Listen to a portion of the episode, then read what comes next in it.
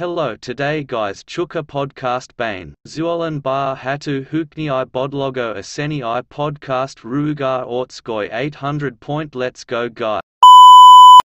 За олон улсын харилцаанд оролцогч улс орнууд өөрийн хүч чадвараас хамаарч хатуу болон зөөлөг хүчний стратегийг сонгодог.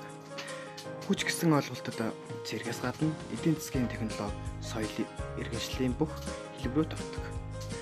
Баг улсууд зүйн хүчинд төлхөө аж холбогдол өгдөг гэдэг утгаараа нэгдсэн үндэсний байгууллага зэрэг олон улсын байгууллагын үйл ажиллагааг дэмжиж түүний ивэл дор аливаа үйл ажиллагаанд оролцохыг эрмэлздэг.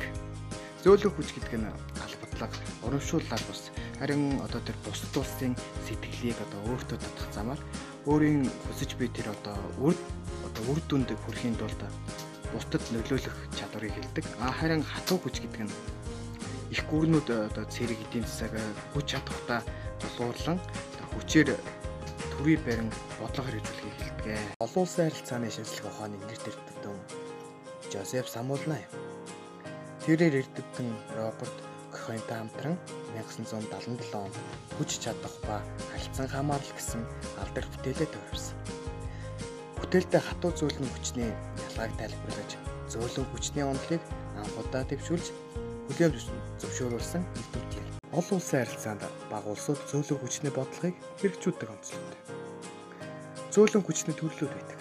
Бизнес, инновац, соёл, улс төрийн үнэт зүйлс, институцийн хөгжил, гадаад бодлого, боловсрол зэрэг.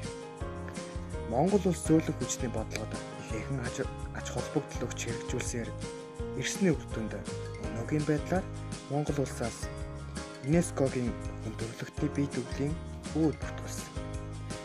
Хатуу зөөлөн хүчний ялгаа бол хатуу хүч нь захирах чадвартай. Харин зөөлөн хүч нь сэтгэл татах чадвартай. Харин төрлүүд нь хатуу хатуу нь албуудлага өдөртөм зэрэг тулдвал харин зөөлөн зорилгыг өөрчлөн чиглүүлэх сэтгэл татан байдал зэрэг улс орнууд хатуу болон зөөлөн хүчний бодлогыг хослуулсан ухаалаг хүчний бодлогын стратегийг түлхүү сонгож байдаг. Ухаалаг хүчний бодлого нь улс өөрийн үндэсний ашиг сонирхол гадаад бодлогын зорилгоо хэрэгжүүлэхдээ өөрт байгаа улс төр стратеги, эдийн засаг, соёл зэрэг бүх арга хэрэгслээ тэнцвэртэй хоршуулах чадвар.